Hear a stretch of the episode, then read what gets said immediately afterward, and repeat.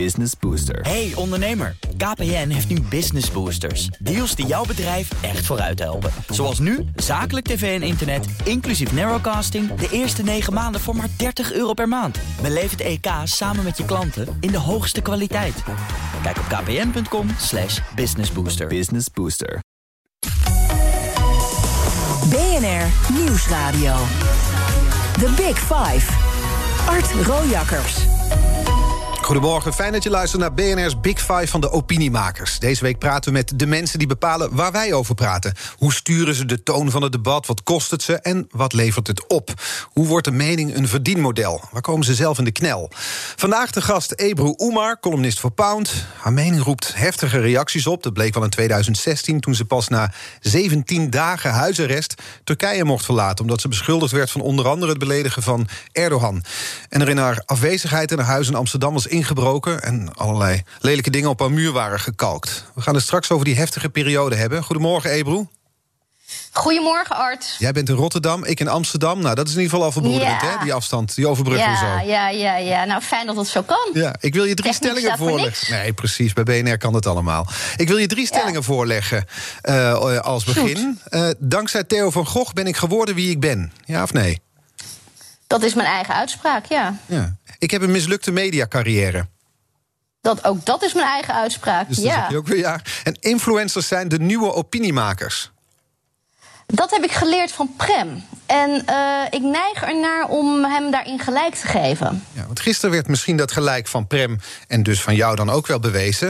Eh, we hebben Oh, nu absoluut. al dagen over, nou niet dagen, we hebben twee dagen over die hashtag Ik doe niet meer mee. Verschillende BN'ers posten dat eergisteren op Ja. Instagram. Gisteravond zagen we Femke Louise bij Jinek zitten. Haar collega Tim Douwsma zat bij Op 1. Laten we een stukje van Femke Louise eh, luisteren. Ik ben benieuwd hoe jij daarnaar geluisterd hebt. Ehm, nou ja, kijk, ten eerste, ik heb superveel respect voor eh, corona in eerste instantie. Ja, dit was een van de quotes van Femke Louise. Die werd eh, driftig gedeeld op alle social Art. media. Ze heet Famke. Ja, die- Laten we. dat laten- klopt. Je- ja. je, spreekt Dus het uit niet- als, ja. je spreekt het uit als Femke Louise. Nou, Famke Louise. Mhm. Maar weet je wat ik vind? Ehm, ik heb heel veel respect voor haar. Ik vind eh, hoe zij bejegend is door Jinek en Co. Is zo ontzettend makkelijk scoren. Je nodigt een meisje uit wat absoluut niet jouw niveau heeft. Waar jij eh, qua bereik niet eens aan kunt tippen. Maar wat op een hele andere manier communiceert met de wereld. En eh, met de wereld van nu en met de jongeren van nu. En die ga je proberen klem te zetten. En dat soort dingen doe je niet bij mensen van je eigen niveau. Politici geef je alle ruimte. Wetenschappers geef je alle ruimte. Publieke omroepmensen geef je alle ruimte. Maar zo'n meisje, het is echt. Het is een meisje. Eh, Jan Dijkgraaf noemt haar zwak begaafd. Dat is ze nog net niet. Maar het is gewoon een meisje van de make-up. Ja, maar ze What zit daar. En ik, ik moet is hier- er gebeurd dat, dat we een meisje van de make-up serieus gaan nemen? En de enige die haar echt serieus nam en haar Diederik Gommers. bejegende... Oh, wat was ik blij met Diederik Gommers. Ja, die zat tegenover haar. en- gesprek en, en- met haar aan. Precies. En nou, ze kreeg ook complimenten Oh, van Abu Taleb. respect. Maar jij zegt, het nee, is een meisje... Nee, nee, nee, nee, nee. Als je de beelden goed terugkijkt, Abu Taleb ging vol in de aanval. En dat, dat was ook in zijn fysieke uitdrukking heel erg te zien. Toen hij zag dat Diederik Gommers de dialoog aanging, dat hij met haar wilde praten, draaide Abu Taleb. Ja. Je moet het echt heel eerlijk bekijken. Je kunt zo'n meisje de hoek induwen en dat is wat er gedaan is.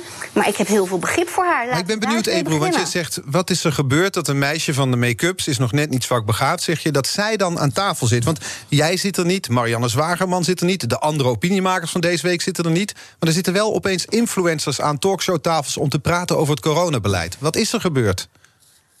Ehm, dat is heel simpel. De eh, hooghartigheid van de presentatoren... die vergeten zijn dat zij een, dat zij een programma maken voor iedereen... Ja. in plaats van... eh, ze denken dat het hun programma is. Ze Spreek je mij nu aan, maar de presentator. Net zoals jij maar de presentator bent. Zonder mij heb jij vandaag geen programma.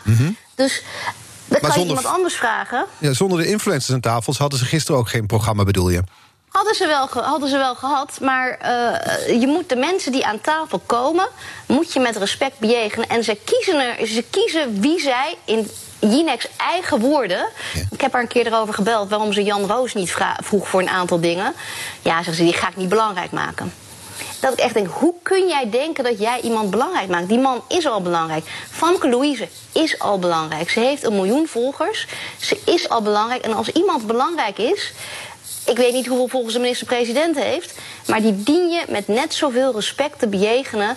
als dat je al die andere mensen bejegent. Dat punt is gemaakt, Ebru. Maar waar ik benieuwd naar ben, is wat jouw verklaring is voor het feit dat eigenlijk jouw beroepsgroep. schaar je voor het gemak maar even dus bij de opiniemakers. daar hebben we deze week over. Die, die lijken ingehaald dus door een paar influencers. Ja, nee, niet door influencers. Zijn, wij zijn ingehaald door de nieuwe tijd. Wij zijn ingehaald door, door, uh, uh, door vloggers en um, door filmpjes. En ik vind, uh, ik vind dat, nou, weet je, dat, dat, dat is wat het is. Ik begrijp en ik zie op alle nieuwsites dat filmpjes het overnemen van geschreven tekst. Dat is de nieuwe werkelijkheid. Ja, maar de, de, de oude werkelijkheid is dat, dat uh, jij of nou ja, andere opiniemakers horen bij journalistieke media die dan aan hoor en wederhoor doen. Dat, dat lijken deze influencers met een enorm bereik, die lijken vooral hun eigen mening te verspreiden. Ja, en dat doen uh, columnisten die uitgenodigd worden ook. En uh, ik word niet uitgenodigd. Ik werd in het verleden ook al niet uitgenodigd.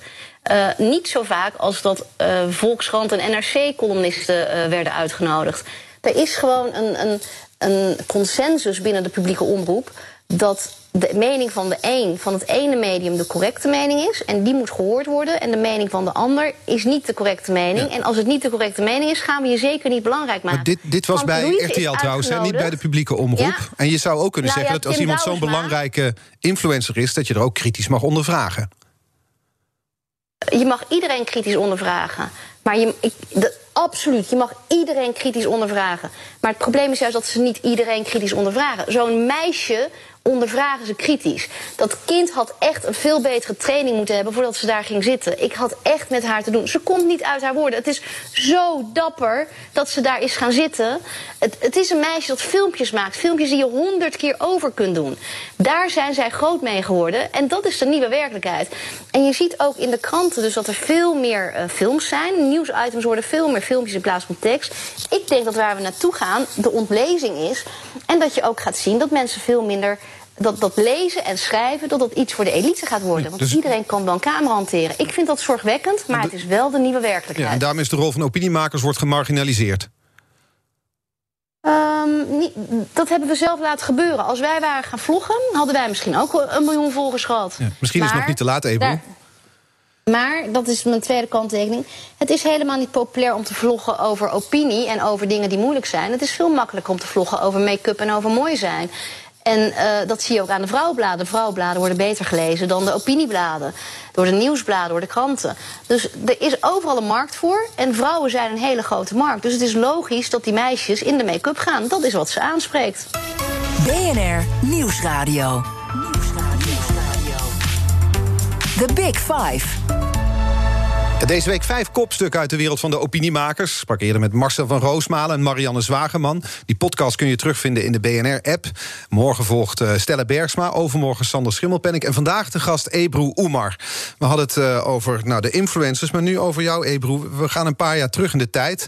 om te zien hoe, wat voor heftige reacties jouw mening kan oproepen. In 2016 bracht je nacht door in een Turkse cel. Je mocht 17 dagen lang het land niet uit, Turkije niet uit... omdat je beschuldigd werd van het beledigen van Erdogan van Turkije-grondlegger Atatürk en de profeet Mohammed. Wat is jouw voornaamste ja, herinnering? Nee, het hield niet op. Wat is jouw voornaamste herinnering aan die periode? Um, de saamhorigheid. En uh, um, op, op, heel veel niveaus heb ik daar herinnering aan. persoonlijk was het de saamhorigheid van, uh, van mijn familie en vrienden. Mm -hmm. uh, iedereen is om, in een kring om me heen gaan staan en heeft me beschermd. Um, dat was, dat, ja, weet je, dat is vanzelfsprekend. Maar het is altijd in theorie vanzelfsprekend. Je weet pas wat er gebeurt als het werkelijkheid wordt. En om dat te ervaren was, was heel erg fijn. Uh, mijn optimisme en doorzettingsvermogen, dat staat me bij. Want het, het, was echt een drama. En het is een drama, weet je. Vervolgd worden, vastgezet worden en alles. De kans dat je niet meer terugkomt. Dat je leven voorbij is. Maar in dat alles kon ik ook bedenken: ja, maar ik ben wel bij mijn ouders. Ik heb nog steeds mijn eigen dak boven mijn hoofd. Ik heb nog steeds vrienden. Um, dat. En um, de. Uh, ik heb blijkbaar ook nog vrienden in de media. Want hoe de media erop gedoken zijn en mij vrij hebben gekregen. Want het is echt niet de politiek die mij vrij heeft gekregen. Het is de media die mij vrij heeft gekregen. En daar ben ik heel dankbaar voor. Er waren meer mensen die om je heen stonden dan die je misschien vooraf had, dat je vooraf had gedacht. Het, het is Telegraaf en Metro, die hebben echt eh, die hebben ervoor gezorgd dat ik terug ben gekomen.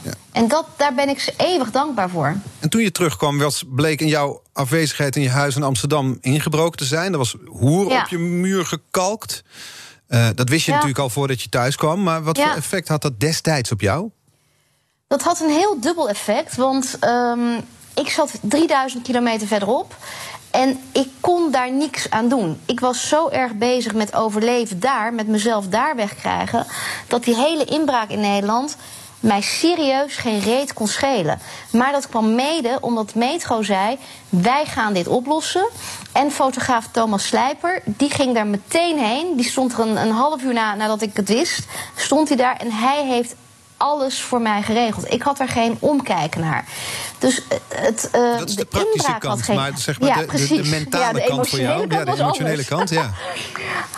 um, de emotionele kant was dat, ik, dat er besloten werd dat ik niet meer terug kon naar dat huis. En um, dat ik dat eigenlijk zelf ook niet meer wilde. Dus daar kon ik me ook wel bij neerleggen. Alleen ik zeg altijd, op 17 april vertrok ik uit uh, Amsterdam naar Turkije. En ik ben nooit meer teruggekomen in mijn huis. En op 23 april werd ik opgehaald uit mijn huis in Turkije. En ik ben nooit meer teruggekomen in dat huis. Dus in exact een week tijd is mijn hele leven, is de bodem onder mijn leven geslagen. En dat is heel raar in een week tijd. En um, als ik daarop terugkrijg, dan krijg ik alleen maar een warm gevoel van dat ik dat overleefd heb. En dat ik de veerkracht en de, de warmte om mij heen had om, om daaruit te komen. Ik, ik zei al dat gisteren Marianne Zwagerman te gast was. Onze gasten stellen elkaar vragen via de zogeheten kettingvraag. Zij had deze vraag voor jou. Ik weet wel in die tijd dat zij uh, die toestanden in Turkije had. Uh, zij was ook een heel deel van het jaar altijd in Turkije. Daar had zij een huis, of het huis van haar ouders of zo. waar ze dan veel ze was. Ja, precies. En ik weet dat ze altijd heel gelukkig was. En, um, en zij kan daar dus nu niet meer naartoe. En daar gaan jullie het ongetwijfeld lang over hebben, ook uh, in de uitzending al. Maar ik, ik, vraag me gewoon ook echt af, dan, hoe, hoe gaat het dan nu met haar? Want dat, dat was echt een, een bron van levensvreugde voor haar. En dat, dat is toch weggevallen. Dus ja, ik, ik vraag me af van, uh, ja, gaat het, gaat het goed met je? Zou ik, als ik haar nu tegenkwam hier in de hal, zou ik zeggen, goh, gaat het goed met je? Ja, gaat het goed met je, Ebro? Dat is eh, heel lang een hele moeilijke vraag geweest. In, in, zeker in die periode. Dan, mijn standaard antwoord was van... Uh, het komt wel weer goed. Niet vandaag, ook niet morgen. Maar het komt wel weer goed. En het is ook weer goed gekomen. Um, het is heel erg goed gekomen. En Eigenlijk is het weer slecht gegaan met corona. Maar het ging met corona met iedereen slecht. Ik had heel veel moeite met uh, uh, het feit dat het leven stil was komen te liggen. Um, persoonlijk vond ik het heel fijn, want het deed me heel erg denken aan Turkije, aan de periodes die ik daar had. Opeens um, verstoken zijn van, van uh, sociale dingen, van andere, van verplichtingen. Opeens alleen nog maar via telefoon communiceren met mensen in plaats van fysiek. Um, dat gaf mij heel veel rust. Dus die eerste periode van corona gaf mij heel veel rust. En toen we weer gingen opstarten, had ik heel veel moeite weer met socialiseren. Daar ben ik nu ook wel weer uit. Het, het, het, gaat wel weer beter met socialiseren. Maar daar heb ik het heel moeilijk mee gehad. Maar het gaat, uh, het gaat goed. Er zijn goede dingen uitgekomen. En daar, daar ben ik blij om. En die goede dingen zijn misschien onder andere je verhuizing naar Rotterdam. Hè? Want daar ben je. Ja. Je hebt Amsterdam achter je gelaten. Je bent naar Rotterdam. Ja. Uh, verhuisd. Warm bad. Ja, jij zei namelijk ooit dat de inbraak in jouw huis in Amsterdam... maar het topje van de ijsberg was van wat je allemaal meemaakte. Wat bedoelde je daarmee? Ja, nou, het, de, de inbraak maakte voor uh, de rest van Nederland duidelijk... Um, hoe mijn leven er ongeveer uitzag. Maar als ik in Amsterdam was dan was het niet de vraag uh, of er wat zou gebeuren als ik de deur uitging, maar wat er zou gebeuren. Elke keer was er wel wat. Als ik naar de Albert Heijn ging, als ik naar de Vomar ging, als ik naar de bioscoop ging, als ik terugkwam, er was altijd wel wat. Wat bedoel je Daarom met wel was ik wat? ook zo graag. Oh, er stonden altijd groepjes Marokkanen om me heen. Ehm, weet je, de vraag: wil je klappen? eh, heb ik vaker dan één keer gehoord. Uit het niet, zeg gewoon lopend. En nou, dan moest ik altijd. Ja, aan de ene kant moest ik daar heel hard om lachen. Eh, want ik denk, hoe, hoe, hoe, hoe haal je het in je hoofd om zo'n domme vraag te stellen?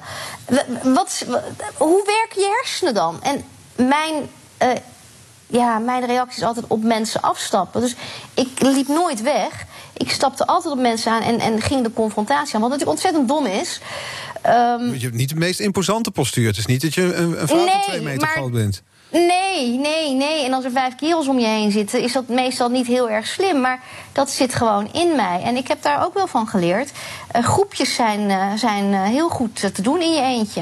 En dat weet Jan Roos ook toen die in elkaar werd ge- gebeukt door, door een aantal mensen. Je moet er altijd op afgaan. Want in een groep is er altijd één iemand die verstandig is. Als je er eentje tegenover je hebt, heb je een probleem. Want die ene is eenstellig. Maar in een groep zit er altijd eentje met meer hersenen die zegt: Kom, kom, het is het niet waard. Kom, laat gaan. Kom, kom. Weet je. Dus ja, je leert. Ja. Het feit dat je dat jarenlang meemaakt, en op wat voor manier heeft dat je karakter gevormd? Ehm, ik werd heel depri in Amsterdam. Ik was echt depri. Ja. Ik, eh, ik heb eh, vrienden in Rotterdam eh, die mij heel warm opgevangen hebben. Die hebben drie zoons. En die keken ooit een keer, of die luisterden een keer naar radio. En toen zei een van hun zoons van... Goh, ze is van een optimistische Rotterdammer... veranderd in een pessimistische Amsterdammer. En toen ik dat hoorde, dacht ik... hij heeft gewoon helemaal gelijk. Hij heeft helemaal gelijk.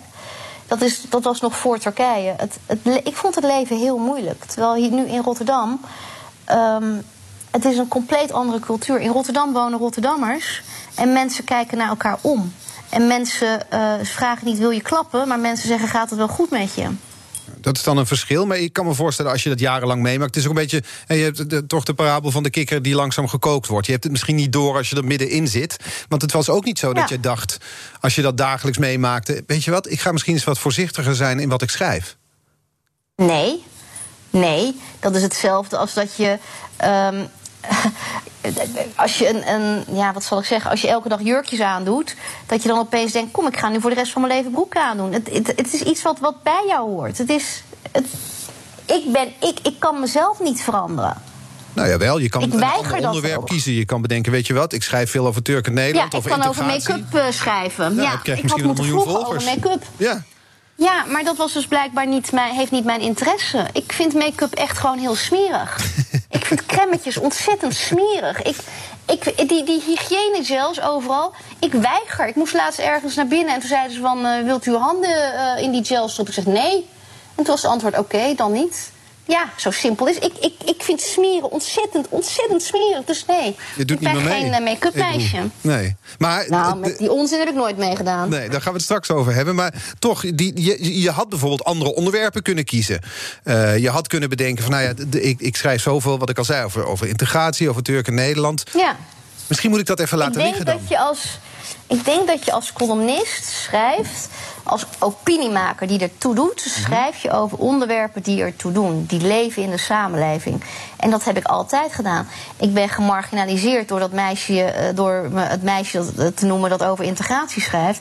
Maar ik schrijf heel breed. Ik, weet je, ik, ik heb de laatste tijd heel veel over corona geschreven. Heeft niks met integratie en Turken te maken.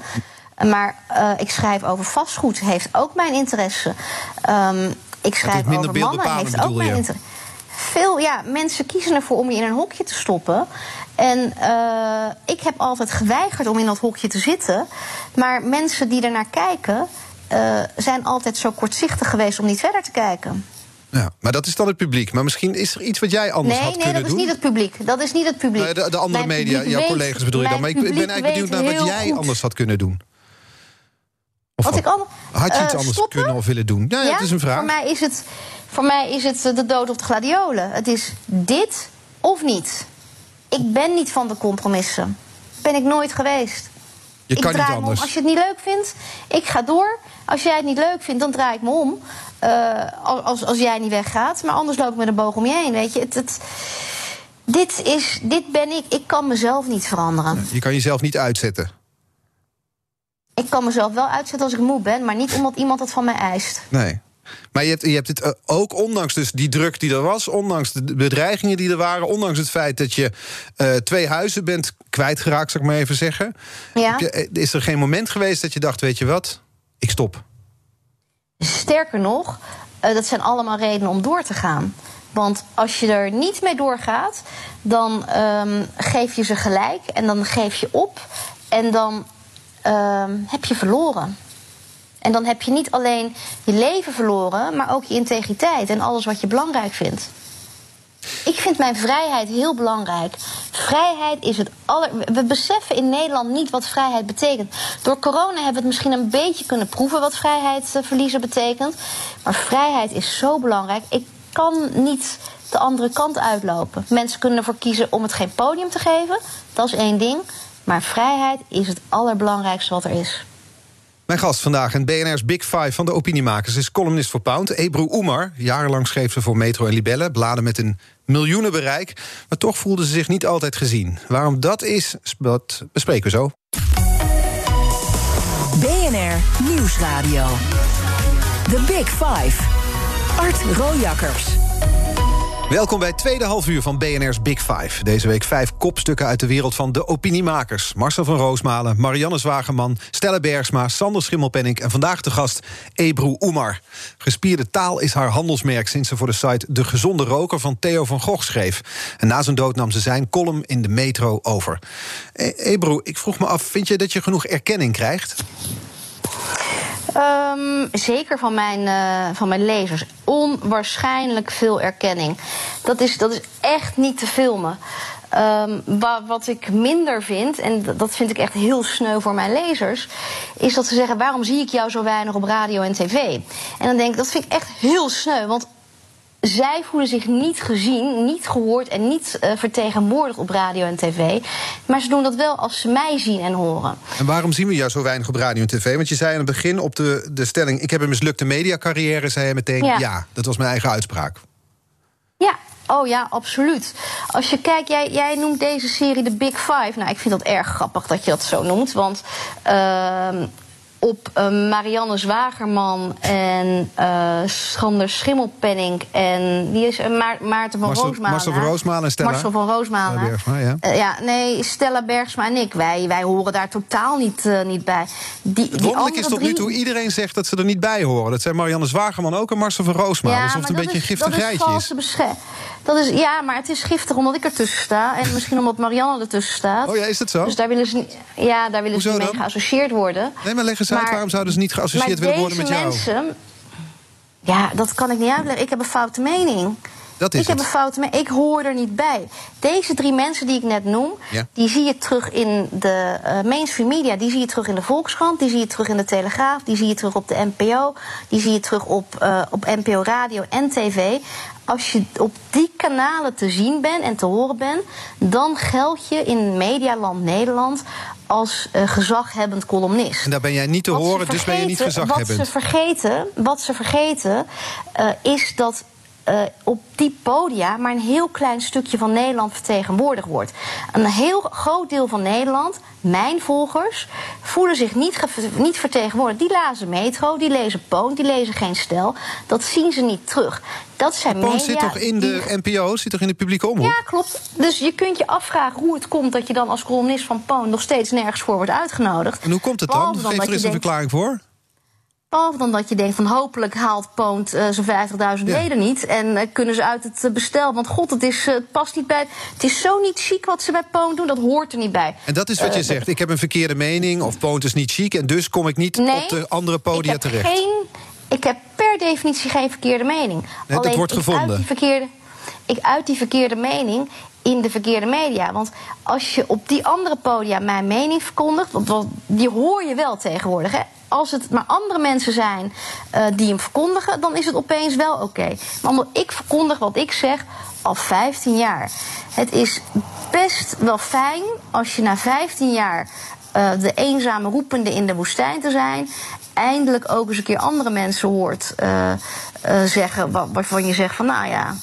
Ja, het is goed. Het klinkt ook, Ebro, een beetje als een Calimero-complex. Je schrijft voor de metro, hè, nu niet meer, maar toen, Ja. toen een, een blad met een groot bereik. Eh, je hebt bij Poont heb je Ja. een, een column. En toch zeg je, ik word niet gehoord. Ik ben klein, dat is niet eerlijk. Nee, nee, nee, nee, nee, nee, nee, nee.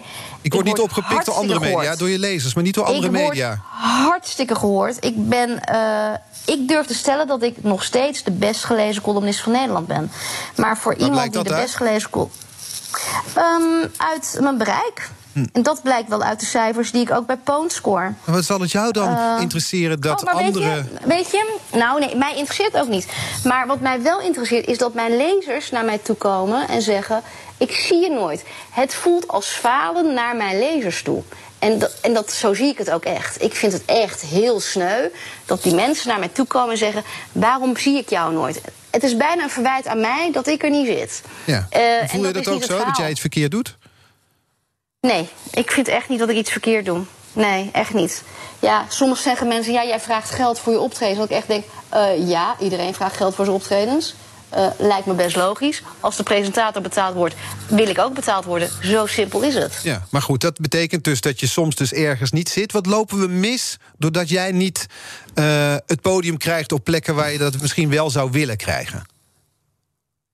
Wat lopen we mis? Ehm, ik denk dat de publieke omroep vooral kijk- en luistercijfers misloopt. Dat, dat als allereerste. En dat weet ik, dat durf ik te stellen. Ja. Dat ik een keer, eh, jaren terug, schreef ik een opiniestuk voor NRC. Ik schreef toen ook nog voor Geen Stel. Toen kreeg ik een mailtje van Geen Stel, of, ik werd, of van, van NRC, of ik werd gebeld. NRC was echt helemaal verbaasd dat mijn stuk al dagen en dagen lang het best gelezen stuk op de site was. Er waren iets van 400.000 kliks op geweest. Dus ik, ik had gereageerd van, nou dat vinden wij bij geen stel doodnormaal. Maar bij geen stel zei van, goh, en eh, wanneer krijg je dan die taart als er 500.000 zijn of zo? Ja, dat gebeurde Dat niet, ik echt dacht, ja. ja. Maar toch ik heb ik het geen idee... nee, nee. Maar, Nee. maar wat ik dus wil zeggen is, ik zeg niet zulke hele rare dingen. Ook NRC en Volkskrant-lezers en eh, NPO-kijkers Mhm. eh, vinden mijn mening niet object. Nee. Alleen de presentatoren en de, de Namen en rugnummers. Welke presentatoren hebben dan gezegd... jouw mening Oh, is zo allemaal. object, je mag je niet komen? Eh, Matthijs van Nieuwkerk, nooit in je gezicht.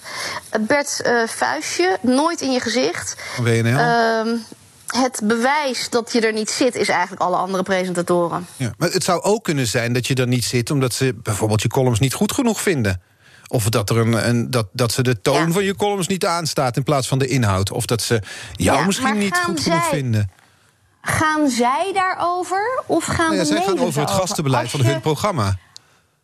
Daar, ja, maar als de hele bevolking van Nederland betaalt voor de publieke omroep... en als je echt slechte columnisten als een Eusjan Akjol en Saskia Noord daar hebt zitten...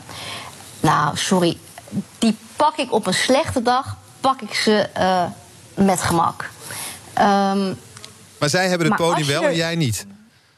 als je er voor de publieke omroep zit, voor, voor de hele bevolking van Nederland en iedereen betaalt belastinggeld, dan vind ik dat je over je eigen schaduw en je eigen, vooral je eigen mening heen moet eh, stappen en moet kijken wat doet het voor je kijk- en luistercijfers, wat doet het voor mijn bereik. Het, het- toch, En ik durf te stellen dat ik dat beter doe dan wie dan ook. Maar, maar je zit er niet. Je zat natuurlijk vier jaar geleden toen rondom eh, de hele affaire in Turkije was je nou, niet te vermijden, was je overal. Daarvoor rondom Theo van Gogh ook. Ik heb het idee dat, dat je langzaam verder bent weggedreven van het hoofdpodium. Nee, dat is eh, niet waar. Ehm, ik heb toen rondom Turkije heb ik eh, twee of drie dingen expliciet gedaan. En daarna iedereen die mij eh, persoonlijk eh, zich voor mij had ingezet in mijn Turkije-tijd, daar ben ik langs geweest. Want ik vond dat ik, dat, dat ik schatplichtig was daaraan. Mijn vrijheid was daaraan, ehm, had ik daaraan te danken. Dus ik heb, vind ik, mijn schuld ingelost die ik. Misschien eh, vonden jullie dat niet, maar ik vond dat wel. Ik heb een schuld ingelost. ehm, Bij de mensen die er toen waren voor jou. Ja, die Ja. er toen voor mij waren. Ja. Maar ik heb daarna nog eh, drie, vier jaar nog steeds columns geschreven. Mhm. Die zijn niet slechter dan elke andere columnist die er eh, nu wel zit. Nee, maar Maakt toch is uit, het dus zo dat, dat is. toch is het zo dat bijvoorbeeld Eus die je noemt of Saskia Noord, die zitten dus hè, die worden staan in het AD, die, die zitten aan de talkshowtafels en, en jij niet. Dus wat dat betreft lijk je inderdaad wat naar de, de rand verschoven te zijn. Dat zijn jouw woorden. Ja, ook die van jou, want jij zegt zelf al, ik zit daar niet aan tafel. Nee, ik ben niet naar de rand verschoven. Ik heb daar nooit aan tafel gezeten. Niet alleen ehm, de afgelopen drie jaar, maar ook de afgelopen vijftien jaar niet. Het- de- en dit is, dit is gewoon een constatering. En de momenten die jij je herinnert dat ik er wel heb gezeten, die zijn aan de vingers van één hand te tellen. En het feit dat je ze herinnert, betekent hoe sterk die optredens waren. En dat is waar ik mijn, eh, mijn trots uithaal. Van, Dat ze zoveel impact ik ben goed. Ja. Ik, ja. ben, ik ben goed in wat ik doe, dus ik, ik weet wat ik durf eh, te zeggen en durf op te eisen. En het is derlos. Het is hetzelfde dat je Famke Louise uitnodigt en haar volledig afmaakt omdat je dat kunt. Dat vind ik echt te min. Het is echt, het is, dan ben je zo een valse kreet als je zo een meisje zo, zo durft af te maken. Dan heb ik echt heel veel respect voor Gommers, die haar in Die haar ja. gesprekspartner ziet.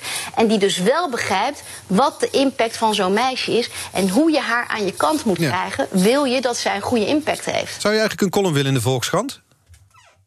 Ehm, wel voor het impact, ja. Maar ik denk niet dat ze me kunnen betalen. Zometeen praat ik eh, verder met Ebro. BNR Nieuwsradio. The Big Five. Art Rojakkers. Je luistert naar BNR's Big Five van de opiniemakers. Vandaag de gast Ebru Oemar, columnist voor Pound. Eh Ebru, ja, jij was nauw eh, verwant aan Theo van Gogh. Je hebt veel van hem eh, geleerd. Denk, denk je eigenlijk nog wel eens aan hem als je een column schrijft? Eh, niet als ik hem schrijf. Ehm, nee, dan denk ik niet aan hem. Maar er zijn zeker momenten dat ik aan hem denk. En hij hangt heel groot in mijn werkkamer. Ja, Hij kijkt naar je als jij aan het schrijven bent? ja absoluut. Ja, absoluut. En wat voor invloed Ja. heeft dat? rustgevend. En Theo was de eerste die mij niet gek vond. Theo was de eerste die mij niet in een hokje eh, eh, stopte. Weet je, iedereen probeert je te framen.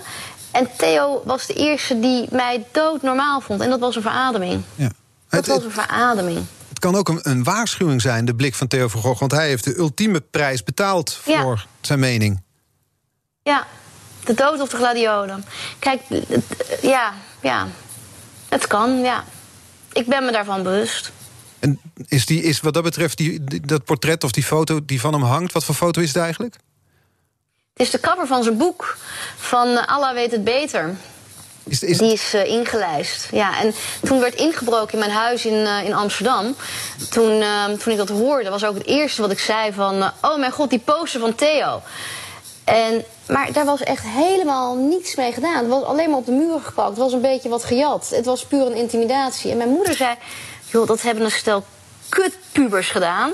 En die hebben geen idee meer wie Theo van Gogh is. En toen dacht ik, oh ja, ja, ja, dat zal ja. Misschien dus die poster heeft die inbraak overleefd. En eh, die, hangt, die is nu verhuisd naar, eh, Rotterdam. En ik heb hem nog mooier ingelijst. En eh, die hangt, ja. Theo van Gogh in Rotterdam. Ik vind het een eh, Ja. bijzonder, bijzonder er hard om moeten lachen, denk ik. Waarschijnlijk wel, ja. Maar het is aan de ene kant een herinnering, kan ik me voorstellen, aan... eh, spreek je uit, zeg wat je wil. Daar stond Theo van Gogh voor. Ja. Geen blad voor de mond. En Ja. aan de andere kant een herinnering... als je dat doet, het, het gevaar is reëel. Nou, Theo van Gogh is voor mij vooral een herinnering aan de man die mij vrijheid heeft gegeven.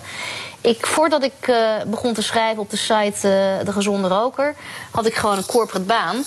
En ehm, ja, probeerde ik in, ik in het malletje te passen. En ehm, ja, daar begon je ook de uitzending mee. Theo van Gogh heeft mijn leven gered. Eh, d- Ja, hij heeft mij uit mijn leven gered. En eh, Want hij zei, spreek je uit, stop met dat corporate bestaan. Nee, nee, nee, dat zei hij helemaal niet. Hij was daar heel bang voor. Hij zei: Oh mijn god, eh, zometeen ga je door iedereen geweigerd worden, hè, omdat je voor mijn site schrijft. Dus, dus ja, dat vond hij heel moeilijk. Maar ik zei: van, nou, Ik ben echt heel gelukkig dat ik voor jouw site mag schrijven. Dat, dat, daar word ik gelukkiger van dan, dan schoenen kopen. Echt letterlijk, zei. Toen moest hij heel hard lachen. Ja. En is dat nog steeds zo? Ja, ja, ja, ja. Column schrijven word ik heel gelukkig van. Absoluut. Ja. Want in die, Ja, in die columns... Ik kan er nu ook schoenen van kopen, dus dat is, dus dubbel lol. Ja, ja. Je, je zei al, ik schrijf over allerlei onderwerpen. Maar een onderwerp waar je stellig over bent is eh, de islam, over Turkije. Nou, in die zin zijn de Mhm. overeenkomsten met Theo eh, er ook natuurlijk. Eh, wat, vindt jou, wat vindt jouw eigen familie daar eigenlijk van? Ehm, nou, die zijn het wel eens met mijn, met mijn stellingen. Eh, en met mijn manier van leven en met mijn houding. Maar ehm, die houden wel hun hart vast. En mijn moeder die zei op een gegeven moment, toen zaten we vast in Turkije... ik geloof dat het in een interview van de Telegraaf was... dat ze zei van, ik, heb altijd ik ben altijd bang geweest dat dit zou gebeuren. Dat ik echt zei, dat heb je me nooit verteld. Jawel, dat heb ik altijd gezegd, maar je luistert niet. Ik denk, ja, dat zal, ja, dat zal. ja, mijn ouders zijn altijd bang. Maar dat hoort denk ik bij ouder zijn. Dat je altijd bang bent voor je kinderen. Ja, maar dan als iemand een beroep heeft als het jouwe... en zich uitspreekt op een manier zoals jij doet... kan ik me voorstellen dat die angst wat groter is... dan bij een dochter die schoenen verkoopt. Ja, dat klopt. Dat is zo. Ja, wat, wat kan ik daarvan zeggen? Ik weet wel dat sinds ik in Rotterdam woon...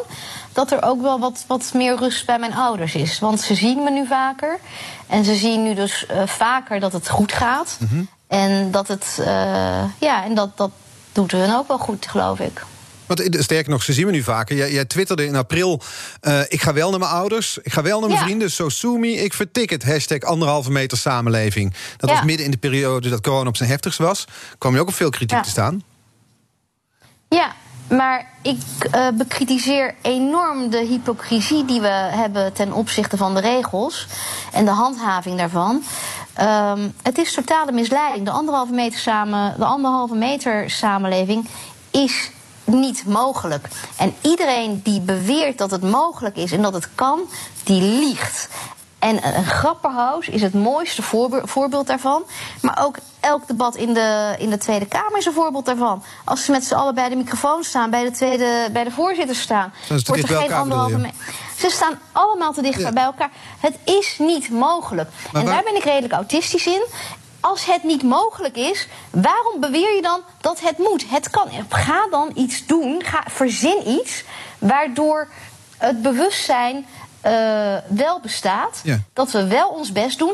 Maar hou op met die onzin dat de anderhalf meter samenleving Dat het kan. de nieuwe werkelijkheid is. Dat het kan en dat we dat moeten willen. Want het is niet sociaal. Waar ik benieuwd naar was, is naast dit punt dat je maakt... is dat er dan mensen reageren op jouw eh, tweet, op jouw mening. Iemand Ja. reageert erop, die zegt... nou, ik hoop niet dat je ouders ziek worden, et cetera, et cetera. En dan zeg jij, ga lekker anderen lastigvallen met je bedweterigheid. Ja. Toen dacht ik, dat is eigenlijk Ja. opvallend. Dat iemand, hè, jij, jij deelt uit, je geeft een mening... dan reageert iemand anders op en die zet je dan weg als een bedweter. Nou, weet je waar ik helemaal niet tegen kan? Dat zijn die mensen die zeggen: als jij straks wordt opgenomen op de IC, dan hoop ik dat, je, eh, eh, dat jij niet wordt opgenomen. Als jij ziek bent, hoop ik dat je niet wordt opgenomen. Nou, dat zijn dus dingen die er gaat bij mij niet ingaan. Mijn ouders weten dat zij niet het eeuwige leven hebben. Nee, maar wat ik bedoel is, jij, jij deelt dan een mening op, eh, eh, in dit geval op social media, op Ja. Twitter. Dan reageert Ja. iemand anders erop. Daar, daar zeg je van, nou, ga eens even lekker anderen lastigvallen. Dat is eigenlijk geen Ja. discussie. Dat is alleen je mening de wereld ingooien zonder Nee, te wachten op wat andere eens. mensen dit, terugzeggen. dit wordt persoonlijk. En als het persoonlijk wordt, dan haak ik af. Dan haak ik. Weet je, wat ik in mijn persoonlijke leven doe, dat gaat helemaal niemand je zit er zelf op. Twitter. Dat klopt. Ja. Dus dan gaat het maar wel, dan deel je niet met de wereld. Dat betekent niet dat jij mijn ouders iets mag toewensen. Nee, er staat ook, ik hoop niet dat- dat jouw ouders ziek worden, zei die persoon. Ja, nou en als ze wel ziek worden, weet je, dan is dat iets wat normaal is.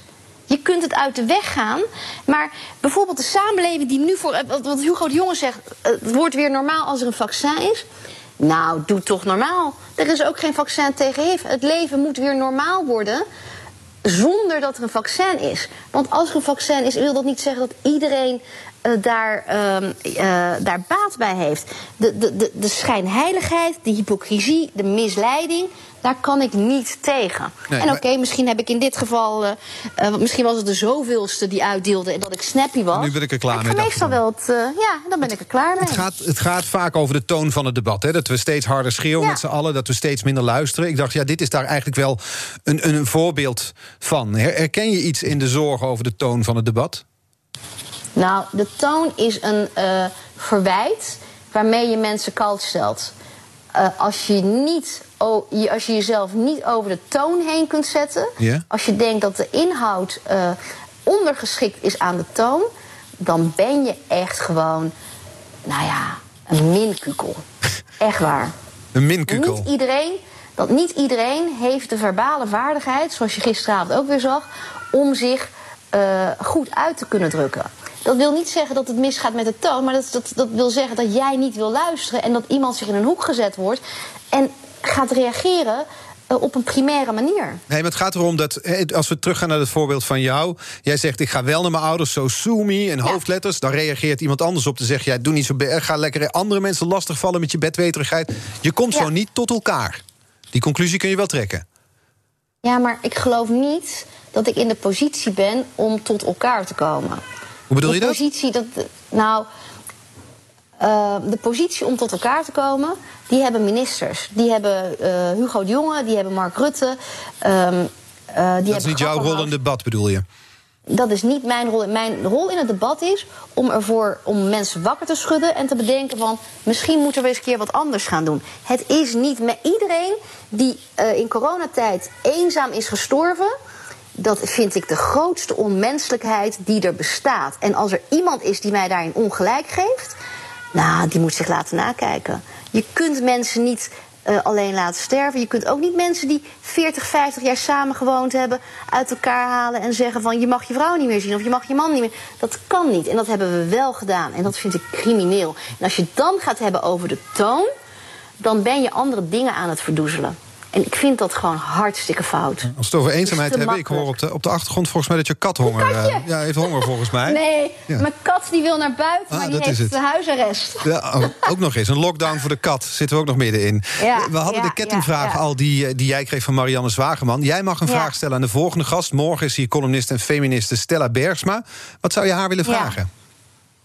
Nou, ik, eh, ik heb haar één keer ontmoet. Ik ken haar een beetje. Ik weet niet, eh, eh, eh, haar hele oeuvre ken ik niet.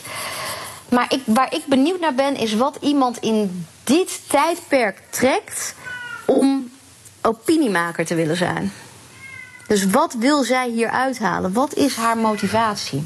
Het klinkt ook alsof je haar ergens voor wil behoeden. Nou, ik, nee, nee, ik ben echt benieuwd Oprecht wat zij hier uithaalt. Ja. Dus voor Ja. haarzelf, waarom, waarom ambieert ze dit?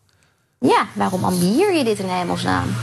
Nou, we gaan het haar morgen voorleggen. Ik wil je danken voor dit eh, gesprek, Ebu Oemar. Die, die- dat, die kat die heeft nu voorrang volgens mij. Ik wil jou danken voor de tijd die je hebt genomen voor me. Dankjewel. Oké, alle afleveringen, deze dus ook van BNR's Big Five, zijn natuurlijk terug te luisteren. De podcast is te vinden in de BNR-app en op Eh, nu op deze zender Jurgen Rijman met Ask Me Anything. En morgen zijn wij er dus met eh, columniste Stella Bergsma. Overmorgen is hier Sander Schimmelpenning. Voor nu een fijne dag. Hardlopen, dat is goed voor je. En Nationale Nederlanden helpt je daar graag bij. Bijvoorbeeld met onze digitale NN Running Coach... die antwoord geeft op al je hardloopvragen. Dus, kom ook in beweging. Onze support heb je. Kijk op nn.nl slash hardlopen.